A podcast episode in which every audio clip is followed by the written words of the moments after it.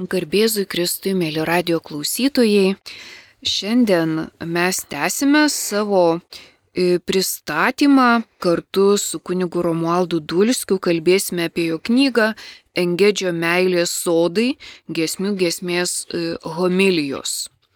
Ir kaip praeitą kartą sakėm, kad ši knyga, gesmių gesmės knyga yra e, skirta kalbėti apie Dievo ir sielos mistinę vienybę, kad e, kiekvienam tikinčiam žmogui siekti vienybės su Dievu yra kaip paties gyvenimo tikslas ir kad tai yra pati giliausia mūsų, sakykime, religinė patirtis, mistinė patirtis yra giliausia religinė patirtis, o mistinė patirtis tuo pačiu yra intimiausia ta žmogaus ir Dievo vienybė ir pats vaisingiausias krikščioniško gyvenimo e, tarpsnis. Tai rodo tikinčiojo brandą. Todėl e, ieškot Dievo yra kaip ir mūsų kiekvieno užduotis. Bet pradžiai mes pasiklausykim ištraukos iš Engedžio meilės sodai, tokios labai žaismingos, kuri vadinasi Aiziko istorija. Iš trečios skyriaus čia pasakoja, kaip vienas Krokovos žydų jaunuolis ieškojo. Paklausyk. Aiziko istorija. Užtikau panaktinius apeinančius miestą. Ar nematėte to, kurį myli mano širdis? Ieškodami Dievo artumos ir trokšdami sustiprinti savo dvasinį gyvenimą, esame pasiryžę tolimiausiai ir sunkiausiai piligrimystėj. Klausomės žinovų pamokymų ir klausinėjame, kur ir kaip galėtume rasti dangišką į lobį, nes su dangaus karalystė yra kaip su dirboje paslėptų lobių. Atradęs jį, žmogus niekam nesako, iš to džiaugsmo eina, parduoda visą, ką turi ir perkasi tą dirvą. Žymusis dialogo filosofijos puoselėtojas Martinas Buberis viename savo darbų perteikė žydų rabino Bunamo pamėgtą istoriją. Kartą vienas Krokuvos žydų jaunuolis Aizikas, Jekelio sūnus, susapnavo sapną, kad Prahoje po tiltų, vedančių į karaliaus rūmus, yra užkastas lobis. Kadangi sapnas pasikartojo antrą ir trečią kartą, Aizikas, Jekelio sūnus, išsiruošė ir iškeliavo į Prahą. Tačiau atvykus į Prahą pasirodė, kad tiltas dieną ir naktį saugomas sargybinių. Aizikas kasdien ateidavo prie tilto ir vaikščiodavo aplinkui, tačiau kasti nedryso. Kartas sargybos viršininkas, jau kelintą dieną vis matydamas aplinkui vaikštinėjantį jaunuolį, draugiškai jo paklausė, ar jis čia ko nors ieškas ar ko nors laukęs. Kai Aizikas pasipasakojo savo sapną, sargybos viršininkas ėmė kvatotis. Vargšas vaikinė, tai tu dėl sapno išsirengiai tokią ilgą kelionę. Kasgi tiki sapnais? Jei tikėčiau sapnais ir aš būčiau turėjęs keliauti į Krokovą. Kartą sapnavau, kad Krokovoje kažkokio žydo Aiziko Jekelio sūnaus namuose po krosnimi yra užkastas lobis. Aiziko Jekelio sūnaus. Juk pusė Krokovos žydų yra Aizikai o kita pusė jekeliai. Tai būtų buvę juoko, kai būčiau ėmęs rausti vieną po kito jų namus. Ir jis prapliupo dar labiau kvatotis. Aizikas dėkodamas nusilenkė sargybos viršininkui, grįžo namo ir išsikasęs lobį iš po savo namų krosnės, pastatydino sinagogą ir mokyklą. Baigęs pasakoti šią istoriją, rabinas Bunamas sakydavo, atsimink šį pasakojimą ir įsisamonink, ką jis tau sako. Esama kažko, ko nerasi niekur pasaulyje ir vis dėlto yra vieta, kur gali tai surasti. Taigi išklausę šią ištrauką mes matom, kad patys kurioziškiausi būdai tinka ieško Dievo. Ar ne taip nesvarbu, kaip mes galim, kai, kokia yra mūsų gyvenimo padėtis, kaip mes įsivaizduojam, kokie mes esam, iš to taško, kur mes esam ir kokie mes esam, mes galim tame mistinėme kelyje daryti kažkokius žingsnius. Kitaip tariant, tas mūsų troškimas ir yra pirmas žingsnis. Ir šventieji labai dažnai rašo apie tai, kaip svarbu pirmiausiai tuo deg troškimu. Ir tikrai Engedžio meilės sodo autorius e, pasitelkė Teresę Vilietą, Šventą kryžiaus Joną, tuos bažnyčios mokytojus, kurie būtent ir kalba apie tas dvasinės sužadėtuves. Taigi norėčiau dabar ir paklausti autoriaus, e, galbūt jūs galit savo klausytojams e, padrasinti juos ir e, kaip tik papasakot, koks, kaip vyksta tas perkeitimas į sielos ir, ir Dievo tą meilės vienybę, kas atsitinka su siela, kokie yra tų dvasinių sutoktuvių e, vaisiai. Nu, čia klausimas taip kaip ir į dangų, kaip, kaip sakant, viso, viso gyvenimo apimtis yra. Mūsų tas jau, apie ką kalba tie mistikos mokytojai apie dvasinės sutuoktuves. Tai jau čia aišku, kad yra tokių žmonių, kurie nueina taip toli, bet daugumas ne. Dėl įvairiausių motyvų. Tai jau kas ir pusę to kelio, apie kurį kalba mystikai, kas nu, nuėję yra, tai jau irgi didelis dalykas. Bet žinoma, dar yra tas, kad, kad kai žmogus, jeigu skaito apie tą kelionę, nuo pradžios lygi tų didžiųjų aukštumų, tai gal pirmas dalykas yra, kad ar tu iš viso pradėjai tą kelionę. Nes daugybė žmonių, nu, sakytume, jie kaip į bažnyčią įeina, paskui išeina, įeina ir išeina. Taip ir į tą dvasinę erdvę. Jie įeina, paskui išeina, paskui vėl įeina, paskui vėl išeina. Jie, jie net neįeina iš tikrųjų nu, galutinai, tam, kad įeitų ir eitų tolin. Tai vienas dalykas, tas, kad mums mum toks tas ryštas jau pradėjus kelionę pasinerti į tą, kaip ten pranašas sako, jau ir eik plaukti tą upę, ne tik tai, kad pakrantę.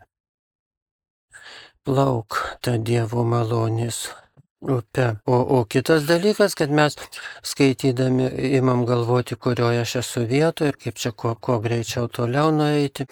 Tai vėlgi tie įvairūs autoriai e, pažymi, kad čia toks orientyras yra, kad yra tų tų pakopų tarsi žmogui paskatinimas ir svarbiausias dalykas yra, kad yra kelionė, yra paskatinimas, yra tos vertybės, kad tu gali tokią vienybę pasiekti e, su, su Dievu, tokią asmenybės, tokią universalią brandą gali e, pasiekti, tau tas skirta.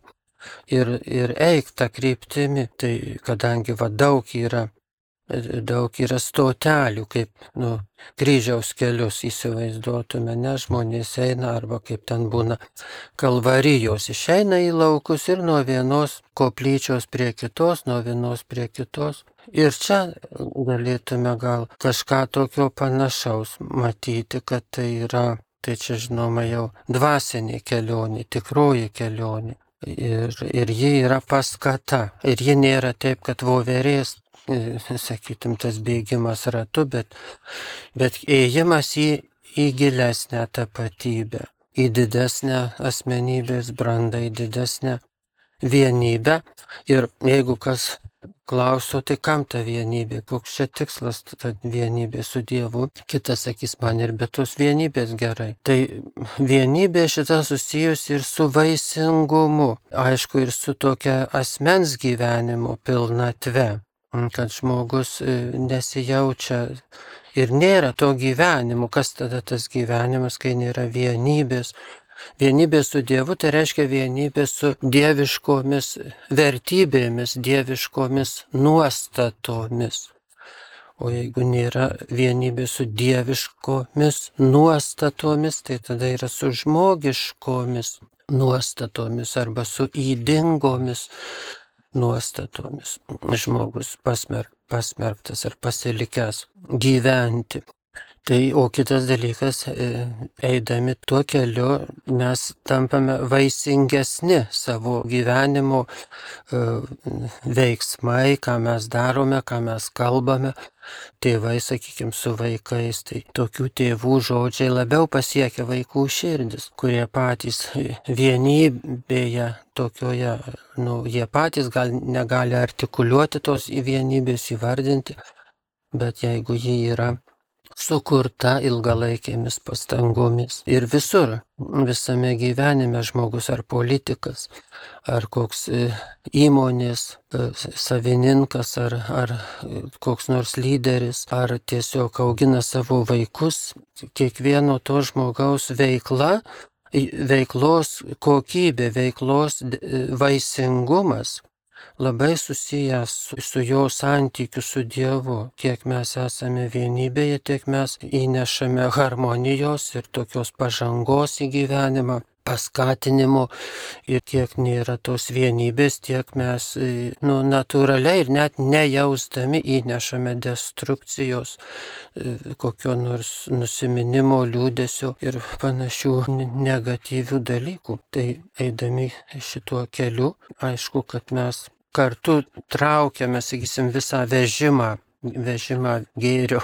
Na ir aš manau, kad tie dvasinių stoktuvių vaisiai e, kiekvienam žmogui labai rūpi. Ne, nepažinčiau ne vieno žmogaus, kuris tikrai nenorėtų paragauti tų vaisių, kaip gesmių, gesmė labai daug tų gražių e, tokių asociacijų su ragavimu, su spalvomis, su kvapais. Bet e, ragauti ir patirti visą tai, apie ką kalbama gesmių gesmė, gali tas, kuris, kaip mes kalbam, yra tame kelyje, tas, kuris, e, kuris e, pasiryšta. Ir todėl einant tuo keliu, kaip ir Teresė Vilietė ten skiria tas e, sostomenės, kad tu visi kitą buveinę įžengi ir kad nei vienoje buveinėje nėra to, kas jau buvo ankstesnėje.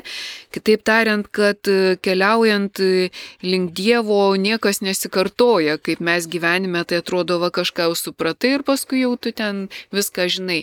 Kad šitame kelyje tu, ta, ta kelionė nes, nesibaigia, todėl nu, neturėtume galvoti, jeigu esu tradicinis tikintysis, tai aš jau čia kaip ir viską išsėmęs tikrai, e, tikrai ne kad e, kiekvienas e, tikintysis nuo krikšto yra kviečiamas į, į šitą slėpinį, į šitą į e, paslapti, kurie atsiveria tik tam, kuris dalyvauja.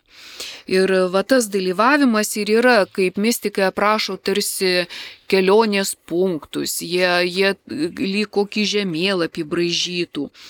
Tai Tai vad tie, sakykime, pasiekti tą vienybę su Dievu mes visada kiekvienam kelio etape jaučiam, kad kad vat, kažkiek jau mes jos ragaujam. Jeigu mūsų sielų jau tas troškimas gimsta, jau mes jaučiam tą dangaus laimę, mes jau ją, ją užuodžiam, jau mumise gimsta didesnis troškimas garbinti Dievą, jam tarnauti ir tuo pačiu tarnauti ir kiekvienam žmogui. Nes tai, kaip jūs sakėte, yra, yra vien, viena, kad tai nėra atskirti dalykai. Ir galiausiai va tas toliau keliaujant tuo keliu mes tarsi ragaujam tą ramybės vaisių. Ir kiek mes žinom daug tų, sakykime, kankinių, kurie išlaikė ramybę, kad ir kaip jie buvo gazdinami, bauginami, kankinami, tiesiog ta ramybė yra, kaip Jėzus sakė, ateikit pas mane, aš jums duosiu ramybę, kurios pasaulis neduoda. Taigi mystikas jis ragauja tos ramybės, kuri yra Dievo e, ramybė. Ir tai, kas eina iš Dievo, yra tobuliausia. Tai ne, neprilyksta niekam, ką mes žinom šitų laikinų e, pavydalų. Ir, ir tada toje sieloje, kaip mystikai sako, gimsta dar didesnis troškimas tarnauti Dievui, nesvarbu, kad tu jau turėjai tą troškimą, bet, bet jis kartu su ramybė atneša tavyje dar tokį gilesnį buvimą su Dievu, kada jau tu net netraukšti paguodų, nes kelionės pradžioje tu tarsi gauni iš Dievo ta, tas paguodas, tą, e, sakykime, vaisiaus e, skonį, o paskui tau yra nebaisus nei tie vidiniai išbandymai, nei sausros, kaip Teresė Vilietė sakė, kad užtikrinu jūs seserys, kad toms sieloms, kurios jau keliauja su Dievu, nepritruks kryžių ir toliau, bet tos sielos nesudrums. E, niekas, jo, joje gyvens Dievo ramybė. Taigi mes matom, kad kai kalbam apie tą mistinį kelią, čia ne apie ekstazės kalbam, ne apie pakilimą nuo žemės, ne vaikščiojimą ten per sienas, bet, e, bet mes matom, kad mes esam tarsi kelionėje į Everesto kalną, kur tu daug tų išbandymų turėsi ir, ir galiausiai ta, ta viršūnė, kaip mes įsivaizduojam, žemiška prasme, jinai irgi nieko tau neatvers, bet, bet kai tu keliauji į Dievą kaip į viršūnę, tai, tai yra daugiau negu į Everesto kalną. Tiesiog tai, kaip mystikai aprašo, kad kad tos patirtys nėra panašios į nieką ir kad kiekvienas tavo ryštingas žingsnis yra, nu tiesiog tu gauni neužtarnautas Dievo dovanas, kaip Teresė Vilietė sako.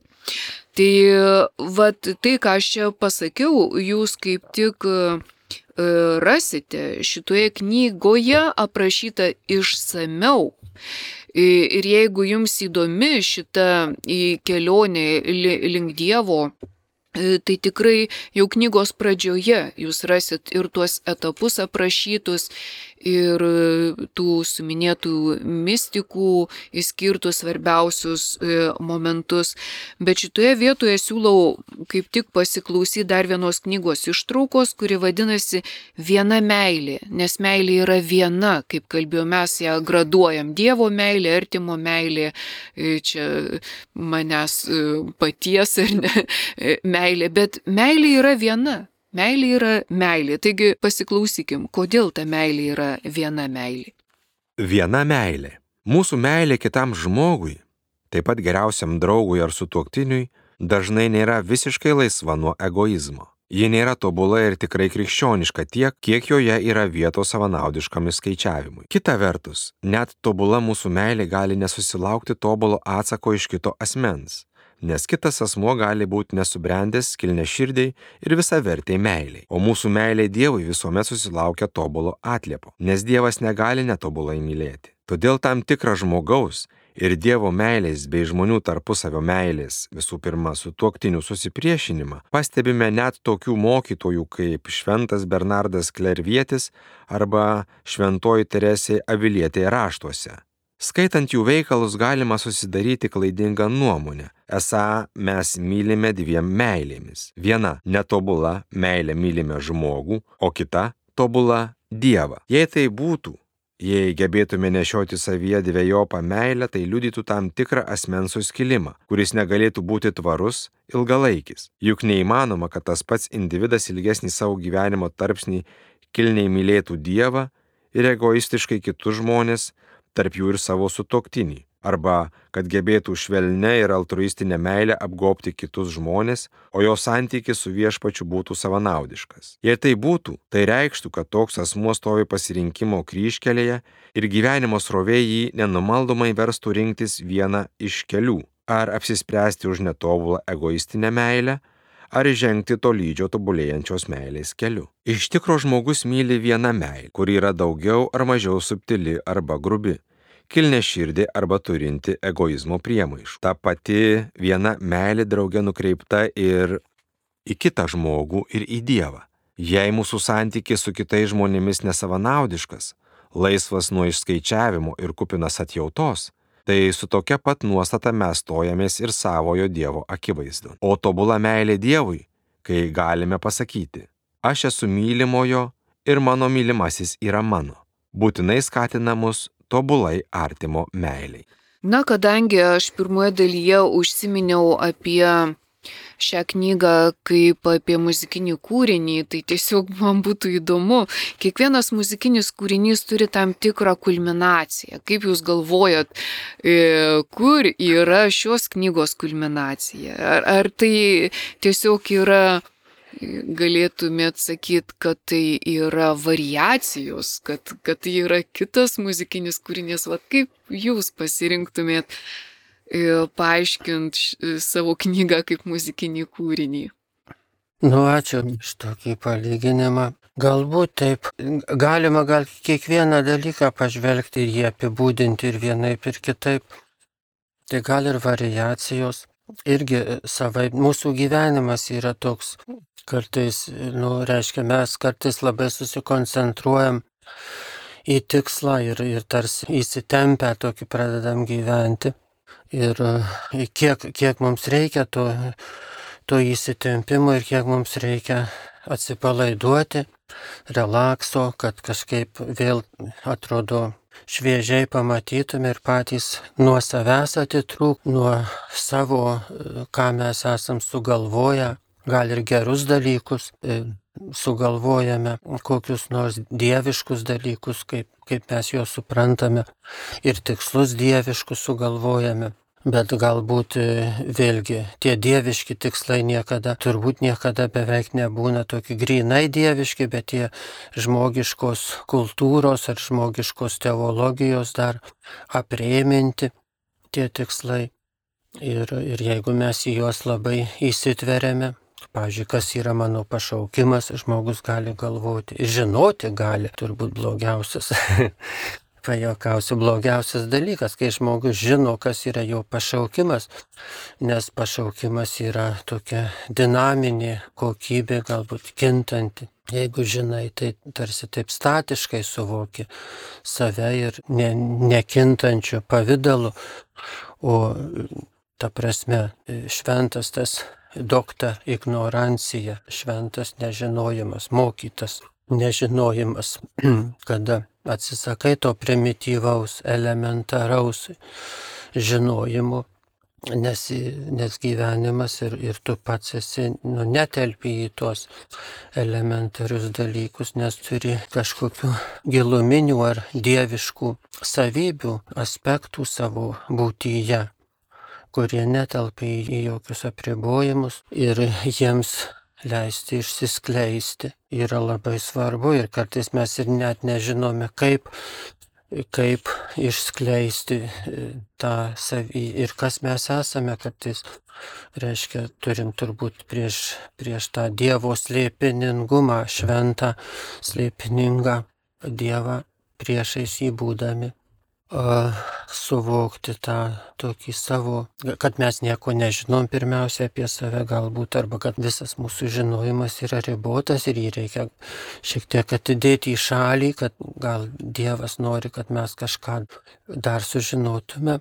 Ir taip ir yra, nes Dievas visuomet turi ką, ką mums dar sakytume, leisti, suprasti apie save, apie savo buvimą pasaulyje. Aš vis noriu sugrįžti prie muzikos, turėdama omeny, kad muzika yra universali kalba. Ir muzika yra tokia kalba, kur gali susikalbėti rytietis, ir vakarietis, ir visų kultūrų žmonės muzikinė kalba gali susikalbėti.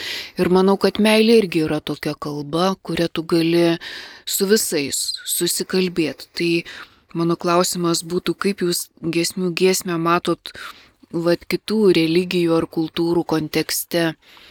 Taip, Ignotas Antijochėtis apie Dievo melodiją mumyse yra kalbėjęs ir kiti, Šventas Augustinas, kad mes gėdame meilės giesmės, eidami šio gyvenimo naktyje. Šis gyvenimas kaip tam tikra naktis, nes mes Dievo čia nematom tokia, kad ir šviesi diena, bet ji turi nakties bruožų, mirtimi viskas paženklinta šiame gyvenime. Tai, tai Augustinas palygino šį gyvenimą su naktim.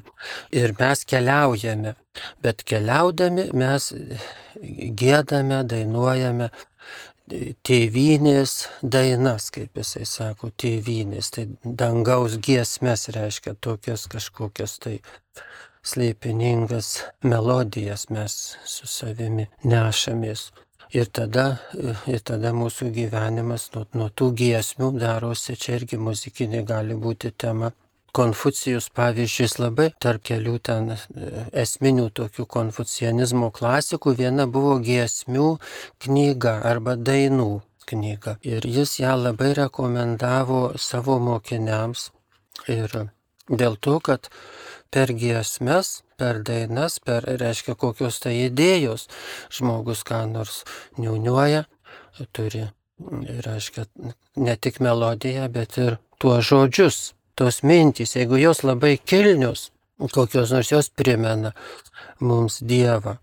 Ir mes e, aišku, toks galbūt ir, ir toliau nuveiname gyvendami, kada tos savajame jau mūsų siela, bet kol nueiname, tai ir Pranciškus Asyžėtis yra e, ten kažkokį liūdėjimą turėjęs, kad girdėjo dangaus, dangaus muziką e, ir kad tai muzika, kuri pranoksta šio šio pasaulio visokiausius garsus, harmonijas visok, visokias. Ir, ir kad tai mumyse, iš tikrųjų taip, mumyse turbūt, kol mes esame šioje kelionėje, tai giesmių giesmė gal yra tokia, kuri pranoksta e, daugybę tokių smulkių susmul, susmulkėjimų, kada mes įsikabiname į kokius nors vienus ar kitus dalykus, kad konfesiškus ar sektantiškus, ar kokius, kurie atrodo,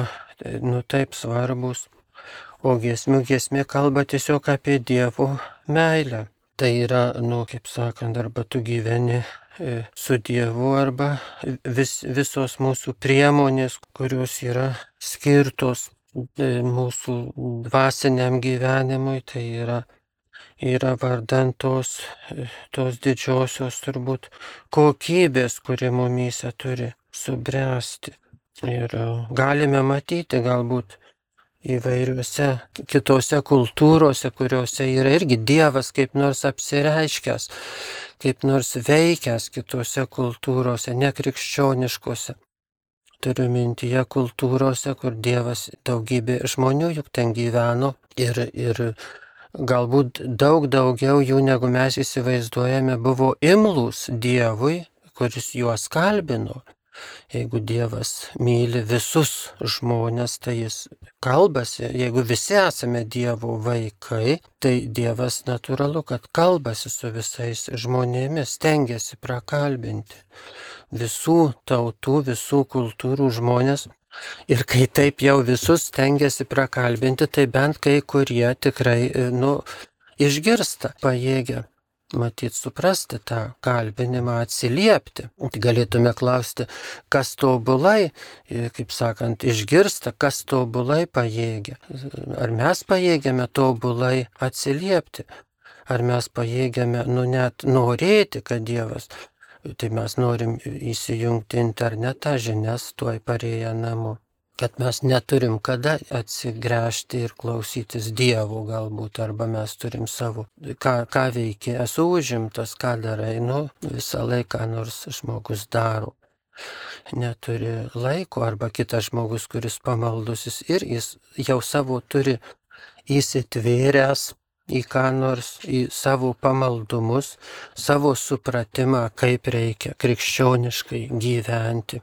Ir tai irgi toks gali būti tam tikras užsidarimas ir net toks piktumas, kad reiškia netrukdykit mano, mano tos visos struktūros, nesugriaukit, kurią aš turiu, pasistačiau, man joje gerai gaunasi, aš taip gyvenu. Bet Dievas niekad netelpa į jokias net ir, ir geriausius tuos pamaldumus, Jisai, jis, jis juose gyvena, per juos aišku, kad žmonės prisibeldžia prie Dievo, ateina prie Dievo per pamaldumus.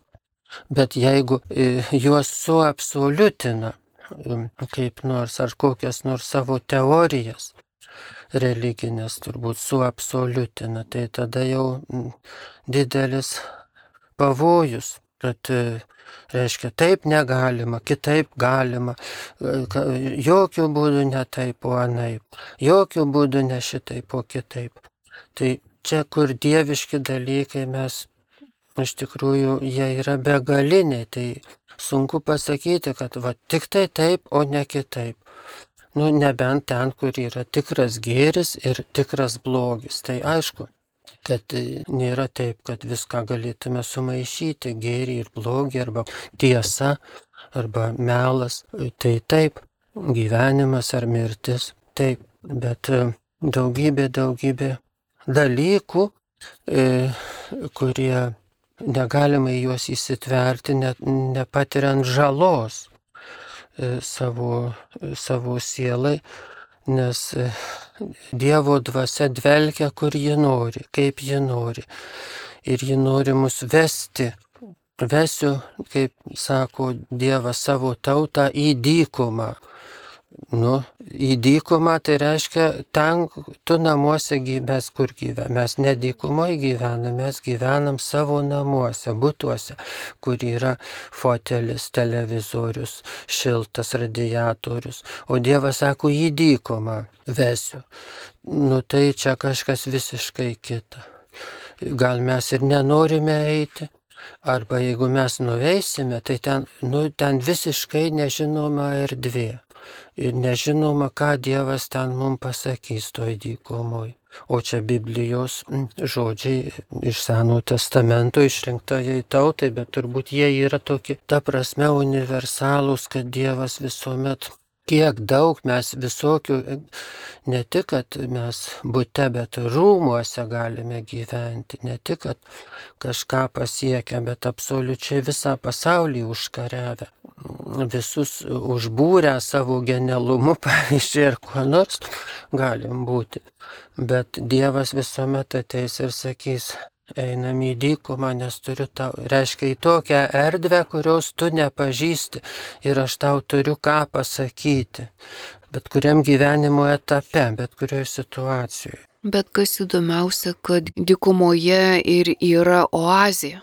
Būtent Dievo meilė mūsų gyvenime yra ta oazija. Ir oazija kaip tik ir siejama su Engedžio pavadinimu. Engedis tai yra oazija dykumoje. Ir, ir mes žinom, kad toje oazėje yra trykštanti šaltiniai, tai yra gyvybė, tai yra poilsis, pavėsis, vaisiai, tai yra vieta skirta gyvenimui. Tai iš tiesų būnant su Dievu tu ir gyveni, tu ir esi gyvas. Ir vad kaip tik jūs kalbėjot, kaip mes labai dažnai tą savo valią ar ne, ne Dievui primetam, kad aš noriu, kad va tai būtų, tave garbinsiu taip, darysiu taip, nedarysiu taip. Ir matom, kad ta mūsų valia dažnai ir yra ta dykuma, kurioje mes kenčiam. Primesdami tą savo valią ar Dievui, ar kitam žmogui mes, e, mes negyvename meilę. Vat, kas ir įdomiausia, kad Dievo valia tai yra, tai yra meilė. Arba meilė tai yra pildyti e, Dievo valią.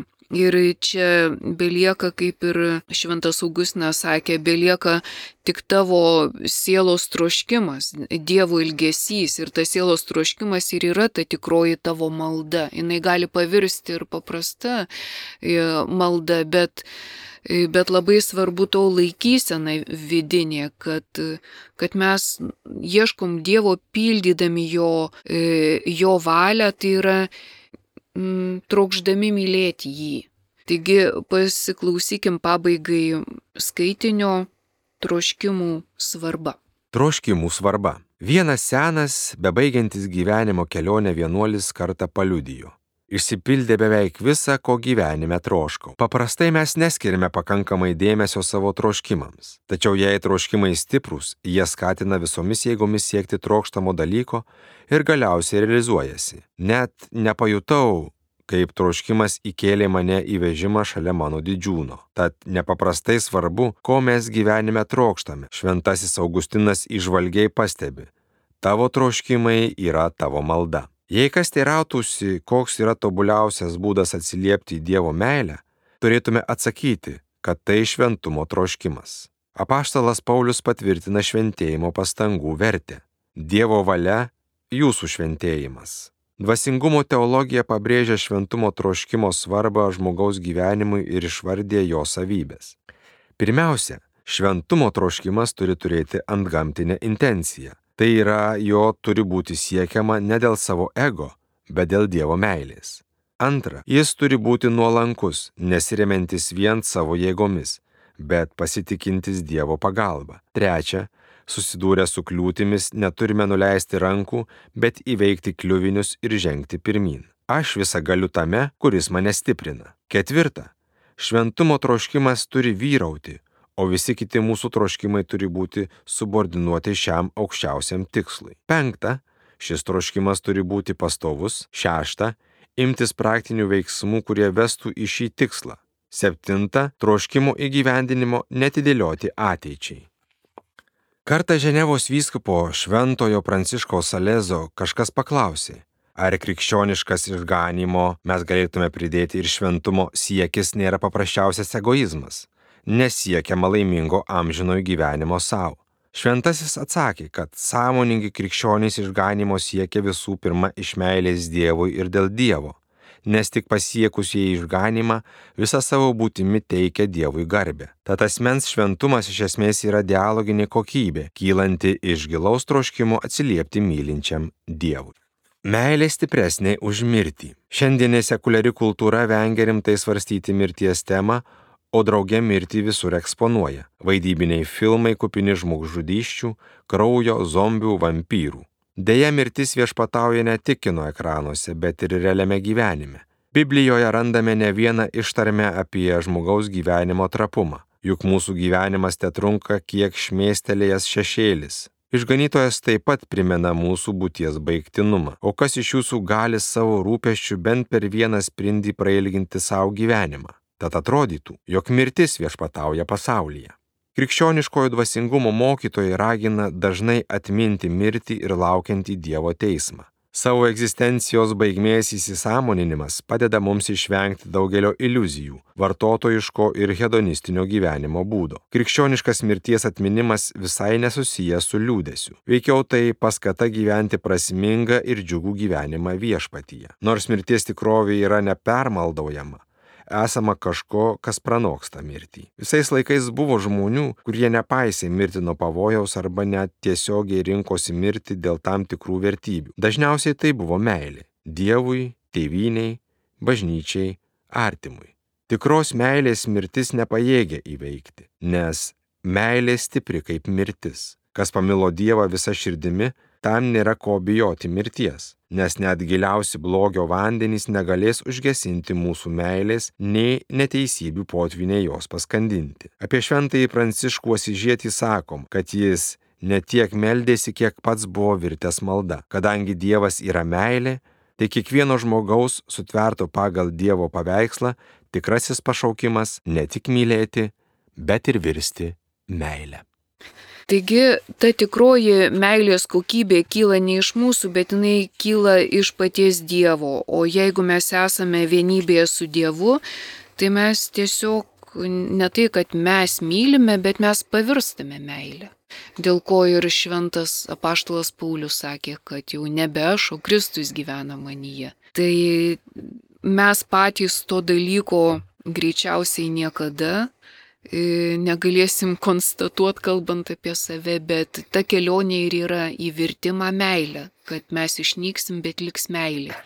Bet kai mes tengiamės save išsaugoti, tai tada nėra meilės, esame mes, bet, bet nėra meilės. Taigi, ką jūs, profesoriu, norėtumėt pabaigai kaip autorius palinkėt, pasakyt apie šią knygą skaitytojams? Nu, galbūt net ir ta meilės savoka nėra tokia, ties kuria galutinai turėtume irgi sustoti, nežinau, kaip kas suprastume. Meilė mes vis tiek kažkaip meilėje lieka tam tikras turbūt sentimento jausmas, jausmingumo, o giesmių giesmė gal net galima būtų sakyti pranoksta tą tokią, nu, mūsų įsivaizduojamą meilę. Ji veda į gyvenimo pilnatvę. Tokią pilnatvę, kurioje žmogaus asmenybė visapusiškai atsiskleidžia. Net už, už tų vaizdinių sužadėtinio ir sužadėtinės tarpusavio meilės, to veržlumo turėtume matyti, turbūt tokį išvelgti ramų, ramų, tvirtą, e, ištvermingą vienybės e, su Dievu ir savikūros, savęs kūrimo e, sieki, savęs kūrimo Dievo malonėje, su Dievo malone.